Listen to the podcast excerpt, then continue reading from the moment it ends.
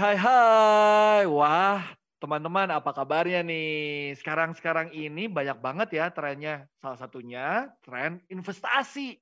Bingung nih, pengen investasi yang mana? Lalu investasi yang tepat tuh seperti apa? Nggak usah bingung. Udah bener.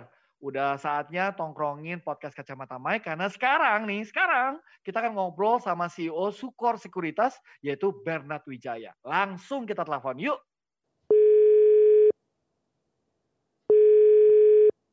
Halo, halo, Bernard, apa kabarnya? Ya, halo Ko Michael, baik banget. Ko Michael di mana? Wah, baik-baik. Puji syukur sehat ya kita semua ya. Terima kasih loh udah bersedia untuk diundang ngobrol di podcast Kacamata Mike. Yes, sama-sama. It's my pleasure dan happy banget dapat undangan dari Komik karena Komik ini kece banget nih jadi hostnya. Waduh, jadi kita bakal buka-bukaan banyak nih di sini. Nah, seperti biasa, teman-teman yang lagi dengerin podcast Kacamata Mike ini nih yang namanya Bernard Wijaya. Dia CEO dari Sukor Sekuritas. Dan untuk ngecek, seperti biasa, kita ngadakan rapid test ya. Bukan positif atau negatif COVID, tapi tenang aja. Keaslian dari Bernard Wijaya. Bener nggak sih ini orangnya gitu ya? Boleh jawab dulu ya Bernard ya. Buat Bernard, duit adalah Duit adalah something yang bisa kita gunakan untuk memberkati orang lain. Widih, luar biasa. Bukan buat memperkaya diri sendiri ya. Enggak dong, memberkati diri sendiri kan kita ada limitnya. Tapi kalau Oh, kita oke. bisa menyalurkan berkat yang diberikan kita ke orang lain, itu happiness-nya rasanya lebih lah daripada menyenangkan diri sendiri saja. Begitu, Waduh, bro. luar biasa banget Bernard. Ada batasan nggak kira-kira duit itu akan cukup tuh dengan certain amount berapa tuh? Tiap orang tentunya beda-beda ya. Kalau aku pribadi asal aku bisa hidup nyaman, punya rumah, punya mobil, bisa liburan, Hmm. kemudian Banyak bisa membantu orang banyaknya. lain, ya itu cukup buat saya. Wow, cukupnya banyak ya. Punya rumah, punya mobil, bisa liburan. Hmm, aku juga mau. Oke, tapi nggak apa-apa. Yang paling penting tadi oke banget ya teman-teman yang dengerin podcast Kacamata Mike. Kalau kita bisa bantu orang lain. Itu kata kuncinya tuh. Nah, berikutnya nih. Hal yang paling membanggakan dalam hidup seorang Bernard Wijaya adalah? Ketika saya mendapatkan penghargaan kemarin Forbes 30 Under 30 Asia ya, merupakan suatu bentuk apresiasi dari majalah Forbes atas kegiatan dan juga misi saya untuk empower anak-anak muda supaya mereka bisa mendapatkan penghasilan tambahan melalui investasi serta mereka menjadi orang yang lebih bermanfaat buat orang lain dengan wow, wow. memaksimalkan talenta-talenta mereka seperti itu. Oke, satu lagi nih pertanyaan yang membuktikan kamu asli Bernard Wijaya atau bukan ya. Bernard paling pusing kalau ada titik-titik. Paling pusing kalau ada konflik under my team. Oh, Better kita istilahnya duduk bareng, kita ngobrol, cari solusi daripada kita mencari kambing hitam dalam suatu permasalahan. wow, seperti sah itu. nih, sah banget ini Bernard Wijaya nih. Nah, tapi kalau ngomongin soal konflik, emang sering banget terjadi konflik di dalam tim? Atau ini cuman kayak dinamika pekerjaan aja? Ya dinamika pekerjaan biasa lah ya, kadang-kadang ada yang terlalu membawa ke sisi personal, padahal itu kan ujung-ujungnya kan urusan profesional ya kita harus memberikan yang terbaik untuk company kita, untuk nasabah-nasabah kita dan juga untuk followers kita. Tapi terkadang dalam deliverable-nya banyak metode-metode yang diperdebatkan tentu saja. Ini Hmm. efektif atau enggak, ini efektif atau enggak. Nah dari situ kalau sampai masuk ke personal kan bisa timbul sensi-sensian antar anggota tim. Nah menurut aku itu better jangan terlalu di take it personally. Itu masalah profesional. Jadi kita duduk bareng, kalau ada sensi-sensian ya kita beresin bareng supaya kita bisa stronger together dan maju untuk mencapai visi dan misi yang lebih besar ke depannya. Seperti itu. Wah, luar biasa. Oke, ini sah-sah banget ya. Ini Bernard Wijaya lolos rapid test. Nah, sekarang penasaran aja, Bernard kan sekarang menduduki posisi yang sangat luar biasa di bidang investasi. Tapi kalau melihat perjalanan hidupnya Bernard seperti yang kita ketahui ya, teman-teman mungkin juga sudah mantau gitu ya di podcast Kacamata Mike. Kalau Bernard ini dulunya itu anak teknik kimia. Lah kok bisa nyasar jadi investasi? Jadi begini ceritanya waktu itu di tahun 2013 kan aku lulus kuliah ya.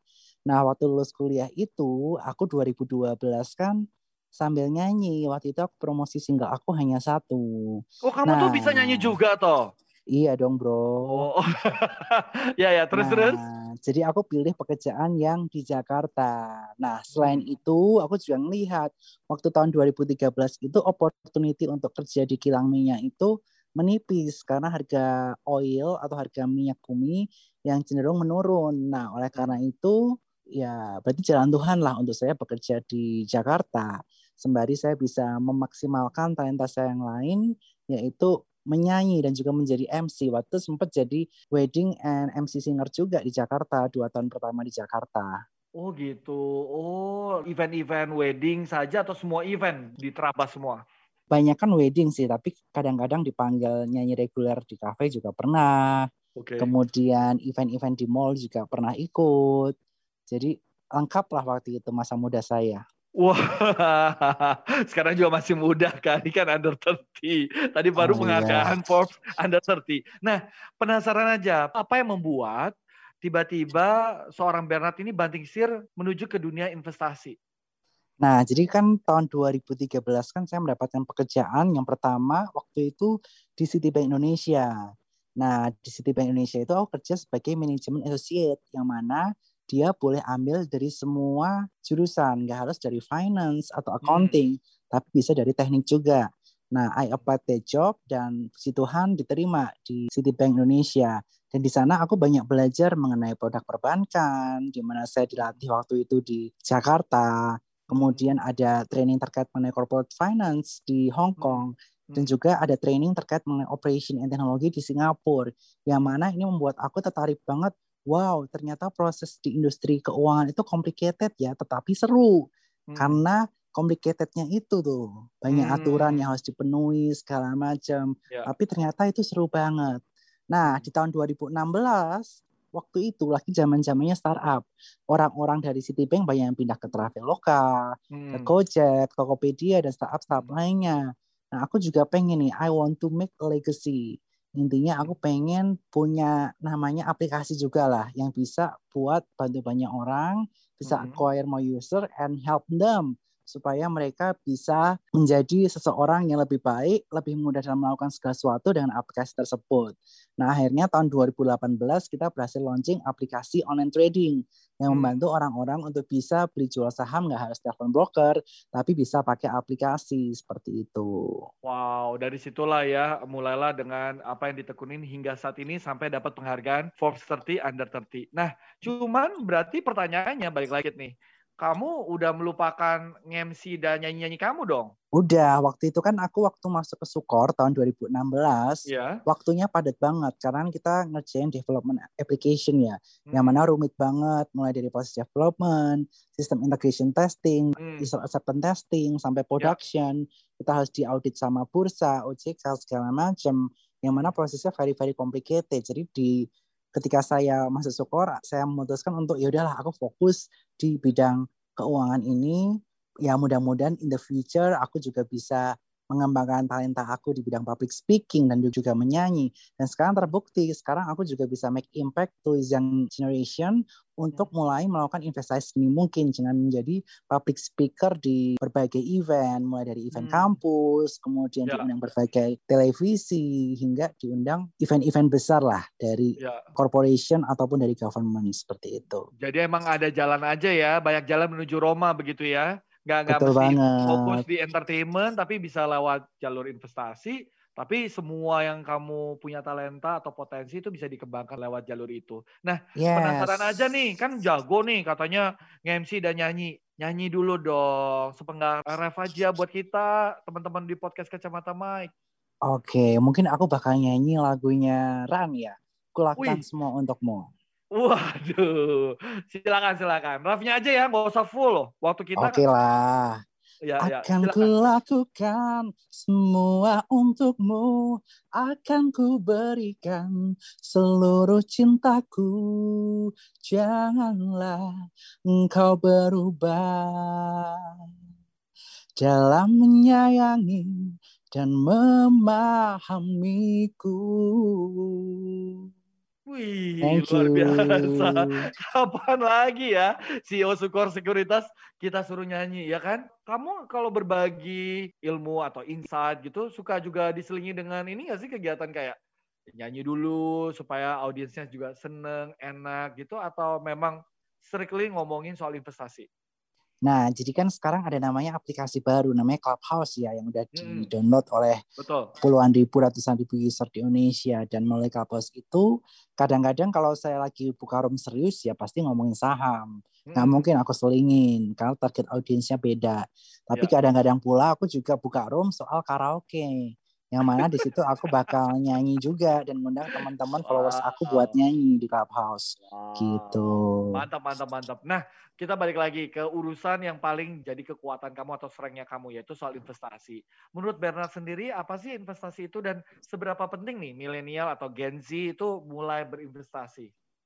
Oke, jadi menurut aku adalah investasi suatu hal yang kita lakukan untuk mengakumulasi aset yang telah kita miliki sebelumnya. Hmm. sehingga bisa bermultiplikasi, bisa bertumbuh lebih dari pertumbuhan deposito atau pertumbuhan obligasi yang mana dengan tujuan apa? Tujuan untuk mencapai financial goal masing-masing. Karena tiap orang memiliki financial goal masing-masing dan juga risk profile yang berbeda-beda. Nah, oleh karena itu, tipe-tipe investasi saham yang dilakukan oleh banyak investor caranya pun berbeda-beda tergantung mengenai financial goal maupun risk profile dari mereka. Jadi kita investasi ya jangan ikut-ikutan doang. Influencer A hmm. bilang apa, influencer B bilang apa, tetapi kembali lagi sesuaikan apakah karakter sahamnya cocok dengan risk profile kita dan financial goal kita atau enggak. Kalau enggak cocok, ya better kita pilih saham yang lain. That's why sebagai seorang millennials atau Gen Z, kita sebaiknya perlu melakukan namanya modal investasi terlebih dahulu. Harus punya namanya modal. Modalnya apa? Yaitu 3M plus 1D. Apa itu? Yang pertama adalah mindset, di mana kita mindset berfokus kepada keuntungan pada jangka panjang, konsistensi keuntungan jangka panjang daripada jangka pendek yang mana kita targetkan bisa mengalahkan suku bunga bank, mengalahkan obligasi, bahkan mengalahkan IHSG. Kemudian yang kedua, kita harus belajar metode-metode. Mulai dari fundamental analysis, kita harus mengerti top down analysis dari makroekonomi, pemilihan sektor, sampai juga pemilihan saham, dan juga belajar technical analysis supaya kita tahu kapan untuk entry dan juga kapan untuk exit. Dan yang ketiga yang kalah penting adalah money management, di mana kita jangan taruh dana kita semuanya di satu saham, tapi kita diversifikasi supaya risiko kita terbagi. Dan yang keempat, D-nya yang paling penting adalah kedisiplinan.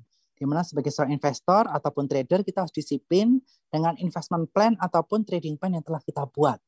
Sehingga niscaya jika teman-teman menerapkan 3M plus 1D ini bakal sama dengan C. Apa itu C? Yaitu cuan begitu. Waduh, 3M plus 1D sama dengan C. Waduh, itu paling seneng tuh kalau orang ngomongin cuan cuan cuan ya. Nah, tapi yes. mungkin sebagian teman-teman kan ada juga yang mungkin belum follow, belum mendengarkan nih soal investasi dan lain sebagainya dari ala Bernard Wijaya. Mungkin bisa dibantu kali. Apa sih bedanya trading atau investing gitu? Oke, jadi mungkin aku belajar dari perjalanan karir aku dulu ya.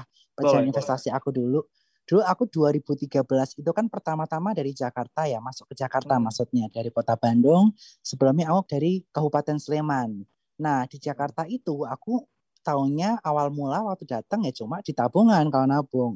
Tetapi hmm. puji Tuhan di rotasi pertama aku masuk ke Custodian Bank di transfer agency di mana itu ngurusin soal namanya pencatatan NAV atau net asset value dari reksadana. Nah, karena waktu itu aku belum mengerti soal saham, aku tahunya cuma soal reksadana. Dan intinya, IHSG kalau jangka panjang itu ditarik akan jauh lebih menguntungkan daripada investasi di deposito ataupun obligasi. Ya udah, aku waktu itu masuk di reksadana saham karena aku belum mengerti gimana cara buka rekening sekuritas dan juga gimana milih-milih saham yang bagus. Ya udah, aku percayain aja sama manajer investasi melalui masuk reksadana. Nah, tapi kalau teman-teman udah punya 3M plus 1D, udah punya knowledge dan skill yang mumpuni, teman-teman boleh. Apalagi kalau ada waktu belajar, kita belajar bareng, kita bisa mulai namanya investasi ataupun trading. Nah, apa sih yang membedakan investasi sama trading? Nah, investasi itu kita berfokus kepada jangka panjang. Kita berfokus lebih dari tiga tahun ke atas, kita berfokus kepada pertumbuhan company, kita berfokus kepada profitabilitas dari perusahaan tersebut dan kita berfokus kepada valuasi perusahaan tersebut. Apakah hmm. cukup murah atau enggak untuk kita investasikan. Tetapi untuk trading kita belajar mengenai supply and demand mana perusahaan yang banyak diminati orang, banyak mau dibeli, mana yang kurang diminati orang atau lebih banyak yang jual daripada yang beli. Yeah, yeah. Intinya kalau teknik analisis semakin banyak yang mau beli, artinya apa? Harga sahamnya akan naik. Karena sesuai hukum ekonomi, kalau permintaannya banyak, suplainya dikit, harganya akan naik. Begitu ya. juga sebaliknya. Kalau permintaan sedikit tapi suplainya banyak, harganya akan turun. turun. Nah, ini yang diterapkan di teknik analisis. Dan teknik analisis ini lebih ke jangka pendek, bisa dari harian hingga mingguan sampai bulanan seperti itu. Dan semuanya ini harus disesuaikan dengan risk profile dan ketersediaan waktu teman-teman untuk melihat market. Kalau teman-teman full time kerja di kantoran, kemudian nggak ada waktu disiplin untuk melihat market sehari minimal empat kali yaitu open sesi satu, closing sesi satu, open sesi dua, closing sesi dua, ya better teman-teman investasi aja. Tetapi hmm. kalau teman-teman bisa at least disiplin empat kali itu ngeliatin market empat timing itu teman-teman bisa menjadi seorang trader terutama swing oh. trader seperti itu. Wow, wow, wow. Jadi tergantung dengan pengetahuan, knowledge sama juga ketersediaan waktu kita gitu ya. Kalau emang nggak terlalu itu mendingan ya jadi investor aja gitu, invest-invest dan lain sebagainya. Wah, bisa nitip dong sama Pak Bernard Wijaya ini. Wah, nggak boleh. Nggak boleh. Karena kan kita kan namanya broker. Broker kan ya, kita ya, ya. memiliki ya. izin namanya wakil perantara perdagangan efek.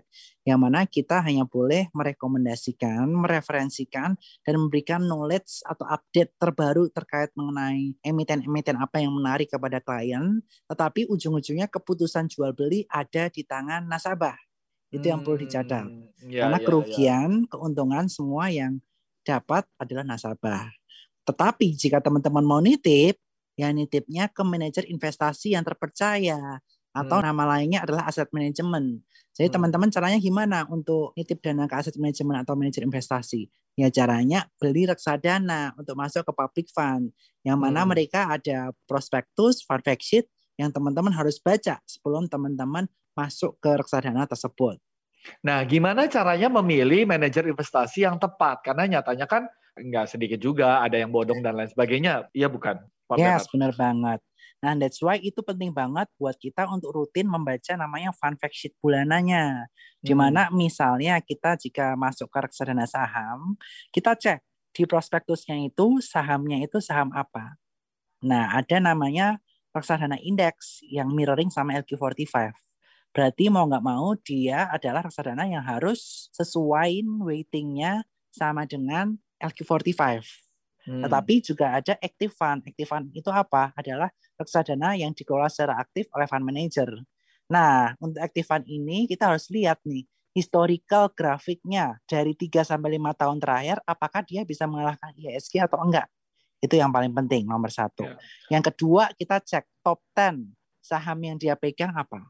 Saham-saham hmm. yang teman-teman familiar, yang fundamentalnya bagus, atau saham yang istilahnya teman-teman kurang kenal atau secara fundamental kurang bagus. Ya. Nah, yang ketiga, setelah itu teman-teman cek dana kelolaannya. Jika semakin besar dana kelolaan yang dikelola oleh manajer investasi tersebut atau reksadana tersebut, berarti istilahnya reksadana tersebut dimiliki banyak orang sehingga asumsinya banyak orang percaya sama reksadana tersebut. Tingkat kepercayaannya lebih tinggi. Jadi buat teman-teman yang pemula, saran saya pilih reksadana yang mengalahkan indeks. Kemudian yang kedua, yang memiliki dana keuangan tinggi karena artinya dia dipercaya banyak orang. Dan hmm. yang ketiga, dia tidak memiliki reputasi buruk yang teman-teman bisa cek dari media mana pun. Seperti itu. Wow, itu dia tuh ya teman-teman yang lagi dengerin podcast Kacamata Mike. 101 investasi ala Bernard Wijaya. Wow, penasaran aja Bernard. Sekarang kan lagi rame ya diperbincangkan soal cryptocurrency. What do you think about that? Ya kalau untuk saya pribadi saat ini saya melihat tren bahwa cryptocurrency ini masih terlalu volatile untuk risk profile saya. Jadi saya hmm. sendiri saya belum masuk ke crypto karena dia jam marketnya juga 24 jam ya. Jadi bisa mengganggu waktu tidur saya. Padahal waktu saya kan sibuk ya, banget ya, padat. Saya jam trading dari jam setengah sembilan sampai jam setengah empat sore saya udah fokus di market. Saya hmm. butuh personal life juga untuk bersosialisasi dengan teman-teman saya Betul. dan keluarga saya, kemudian ya. dengan marketplace saya untuk menjalani hobi saya, olahraga dan sebagainya. Jadi saya better sih di pasar saham dulu. Karena kalau di cryptocurrency itu kan fluktuasinya cukup tinggi dan 24 jam, ditinggal tidur aja bisa harganya udah turun jauh tiba-tiba. Kalau ada sentimen negatif begitu. Oke, jadi lagi-lagi kalau kita mau berinvestasi apa pun instrumennya ya pastikan kita punya ketersediaan waktu tadi untuk mengelola dan melihat gitu ya, memantau begitu ya. Yes. Nah, aku pengen tahu juga nih karena sebagian orang masih ada lah orang-orang yang beranggapan atau melihat investasi itu ada sesuatu yang duh haram. Aduh kayaknya ada hal-hal yang jelek terkait dengan investasi. Menurut Bernard ada nggak cara yang tepat untuk mengedukasi mereka dan meluruskan pandangan tersebut? Oke, jadi yang pertama terkait saham itu haram. Sebenarnya kita dari Badan MUI atau Majelis Ulama Indonesia hmm. juga udah banyak mensertifikasi saham-saham yang masuk saham syariah.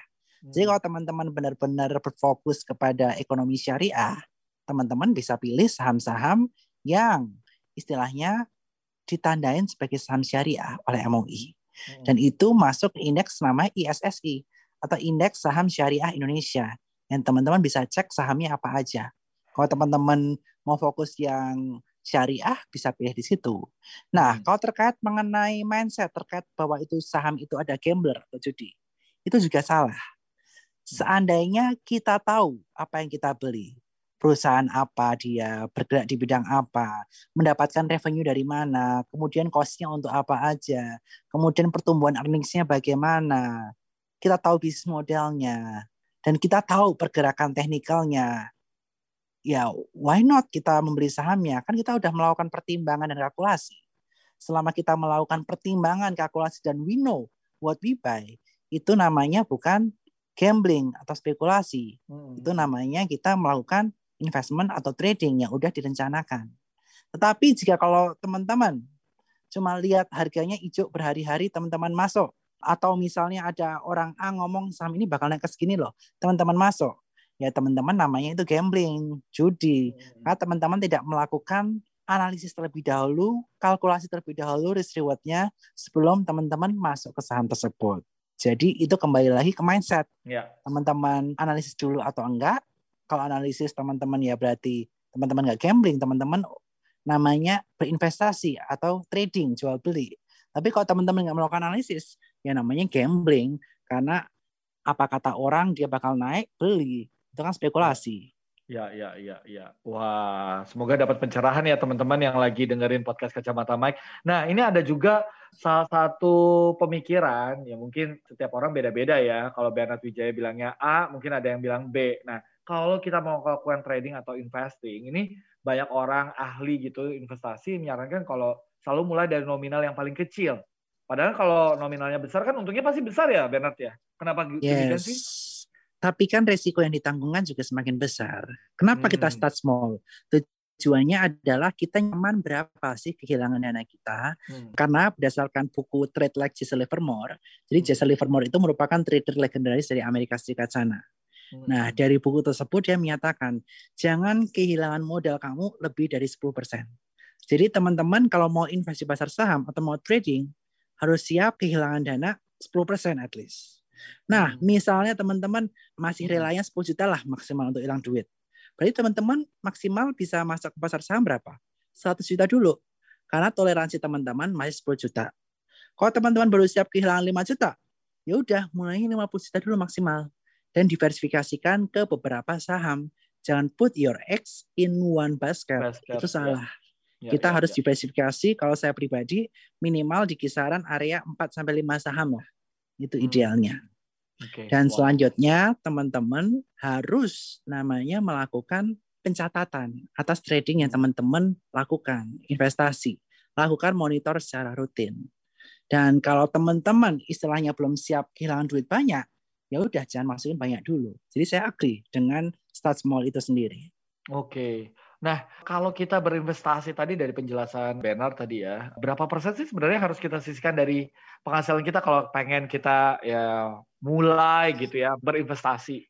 Nah, itu semua kan disesuaikan dengan penghasilan kita masing-masing ya, tidak bisa disamaratakan. Jadi kita bisa melihat yang pertama, kita sebelum investasi, kita harus paling penting adalah memaksimalkan talenta kita. Kita harus namanya earn active income dari talenta, pekerjaan aktif kita, bisnis kita. itu harus kita maksimalkan dulu untuk investasi.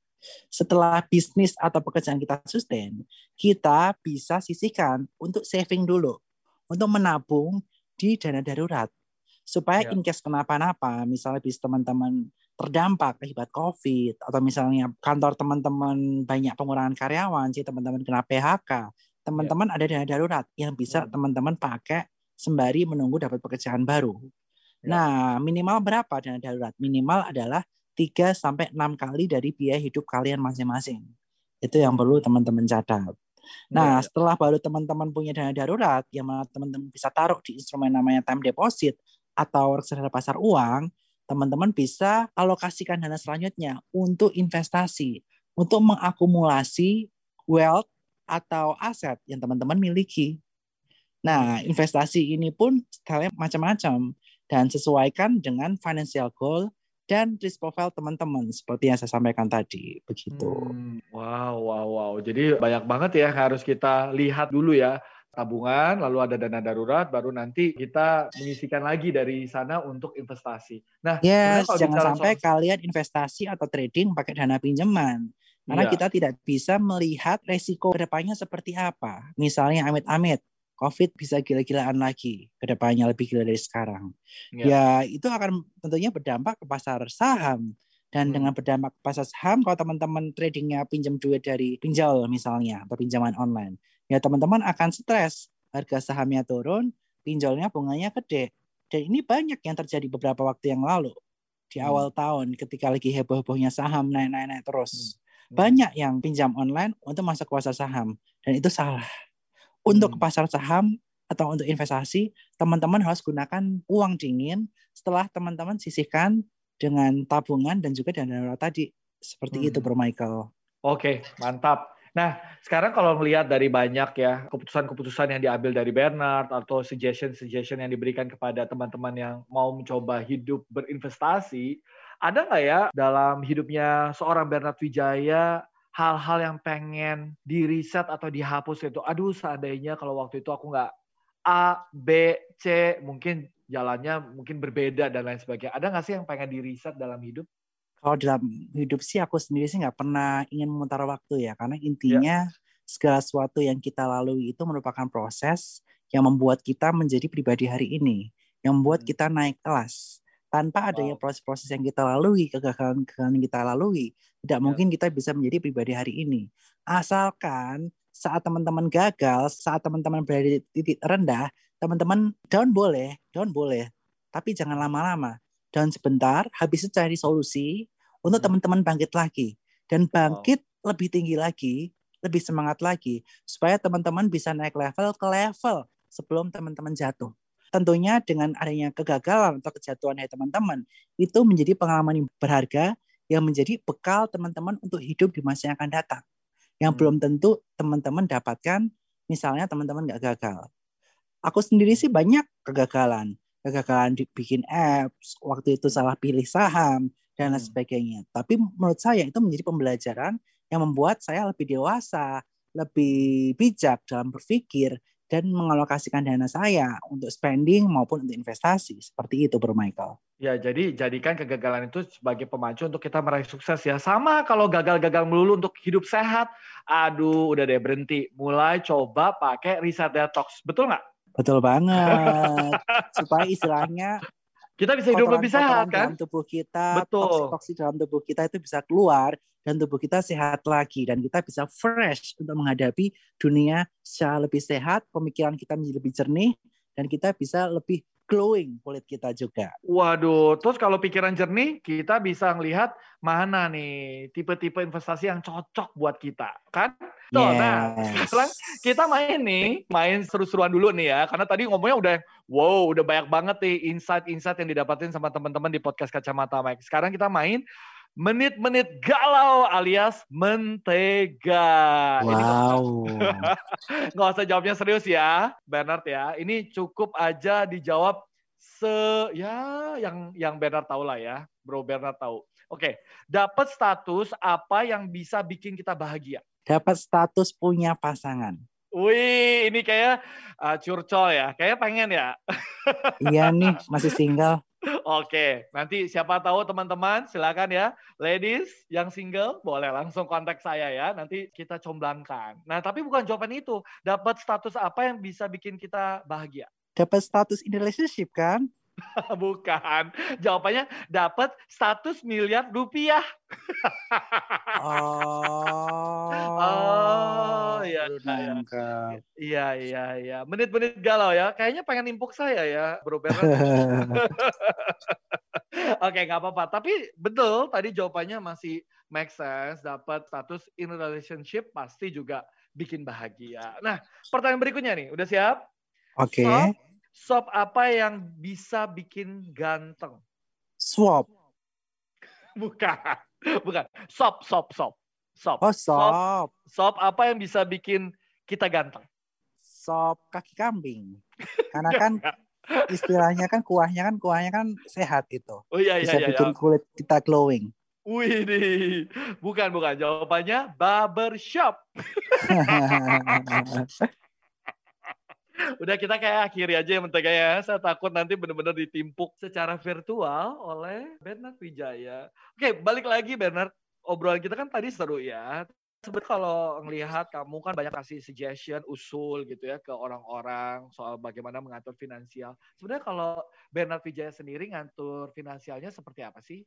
Cara? Jadi begini, dari gaji yang pertama misalnya kita ada cicilan, kita beresin cicilan dulu ini yang dilakukan Bernard juga ya dalam kehidupan yes. ya. Kan pasti kan kita ada cicilan rumah atau apa yang tentu saja untuk teman-teman kehidupan lebih layak lah. Misalnya teman-teman pengen KPR nih. Kan kadang-kadang kalau teman-teman beli cash kan kadang-kadang kan susah ya sebagai seorang millennials. Ya buat saya sendiri kalau pertama kali yang saya lakukan ketika ada dana atau gaji datang, pertama pasti kan kita harus bayar atau kredit expense kita dulu. Betul. Kemudian cicilan-cicilan lainnya dulu. Nah, itu baru dana bersih yang kita miliki. Nah, dana bersih yang kita miliki jangan lupa alokasikan untuk kita spending, kita harus ada budget untuk spending dan kita lakukan budget untuk investasi. Dan kalau saya sendiri dari dana bulanan sendiri yang udah bersih itu saya bisa kurang lebih investasi sekitar 70%. Wow. Iya, karena kan mungkin income saya kan udah ya, lumayan ya, ya, cukup untuk Betul. hidup enak plus untuk investasi untuk masa depan. Jadi istilahnya ya tiap orang beda-beda. Kita nggak bisa bandingkan karena tiap orang punya background keluarga berbeda-beda, background pekerjaan berbeda-beda, dan juga memiliki financial goal yang berbeda-beda juga. Hmm. Ada orang yang pengen buru-buru beli rumah, ya go for it, yang masalah. Asal teman-teman siap konsekuensi dengan namanya teman-teman bayar bunga KPR. Ya. Tapi sekarang KPR kan lagi murah banget karena suku bunga tiga setengah persen. Ini sebenarnya is good timing untuk membeli rumah, misalnya seperti itu. Tapi jangan lupa teman-teman jangan hidupnya jadi terlalu suffer karena teman-teman cicil KPR tersebut semuanya harus dihitung, dikalkulasi. Teman-teman masih bisa hidup nyaman, teman-teman masih bisa dana darurat, masih bisa investasi, dan bisa mencapai financial goal teman-teman. Itu yang paling penting. Oke, okay, wow. Nah, ini mungkin kalau Bernard sendiri ngelihat ya, apakah anak-anak muda sekarang sudah cukup aware untuk berinvestasi atau levelnya masih, aduh, masih nggak terlalu banyak nih Mike gitu? Kalau saat ini di teman-teman aku sekitar sih udah pada aware ya namanya investasi. Hmm bahwa mereka melihat bahwa daripada taruh deposito bunganya sekarang kecil banget cuma tiga setengah persen hmm. sebenarnya ini menguntungkan untuk kredit ya buat teman-teman yang mau usaha ya better kita investasi di pasar saham karena kita hmm. melihat bahwa sekarang COVID-19 banyak usaha terutama usaha-usaha yang kaitannya mengenai customer harus datang kemudian belanja di situ itu kan agak sulit ya karena kan kita hmm. sekarang jaga jarak, jaga protokol segala macam. Hmm. Ya better teman-teman bisa masukin ke pasar saham. Dan karena kondisi COVID-19 ini sendiri sekarang kita melihat bahwa animo masyarakat untuk berinvestasi itu tinggi banget. Oh, udah tinggi ya sekarang ya? tinggi oh. banget. Hanya terbukti dari trading value IHSG yang hmm. sekitar 60% dari awal tahun itu berasal dari nasabah retail. Yang berarti hmm. bahwa nasabah retail atau kita-kita ini nih udah mulai mulai investasi dan melakukan trading di pasar saham ataupun investasi seperti hmm. itu. Wow, jadi kalau sekarang ada yang mungkin lagi dengerin podcast kacamata Mike terus, aduh saya belum termasuk kelompok yang juga udah melek dengan pentingnya investasi, mungkin bisa kasih tips nggak ala Bernard Wijaya? Nah, tipsnya teman-teman jangan lupa untuk mulai investasi sedini mungkin. Kenapa? Karena kita bisa melihat ada namanya company besar di Amerika Serikat sana yang dimiliki oleh Warren Buffett, yaitu Berkshire Hathaway, di mana dia mendirikan bersama Charlie Munger. Nah, kenapa Warren Buffett itu jauh lebih kaya daripada Charlie Munger? Karena Warren Buffett ini mulai investasi di usia 12 tahun. Sedangkan Charlie Munger di usia 26. Ujung-ujungnya apa? Compounded annual growth rate-nya atau compounded interest growth rate tiap tahunnya yang didapatkan dari Warren Buffett udah lebih tinggi daripada si Charlie Munger karena dia mulai lebih awal. And that's why buat teman-teman yang mendengarkan, jangan ragu untuk mulai investasi. Tetapi tentu saja sebelum investasi, teman-teman harus punya 3M plus 1 dia sampaikan tadi, dan hmm. pilih perusahaan yang teman-teman kenal dan prospeknya bagus ke depannya. Intinya hmm. seperti itu.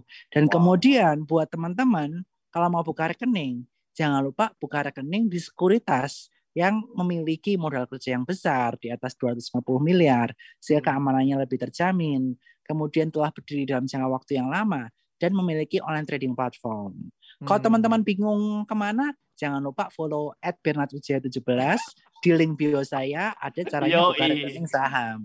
Begitu. Mantap, mantap. Terima kasih buat tipsnya Bernard Wijaya. Yakin banget pasti teman-teman yang dengerin ini langsung pengen belajar berinvestasi ya untuk masa depan yang lebih cerah ya. Thank yes. you so much udah buat waktunya untuk berbagi bersama teman-teman di podcast Kacamata Mike. Sama-sama Terus buat Bernard ya. Yes, sama-sama. See you. Bye-bye. Bye-bye.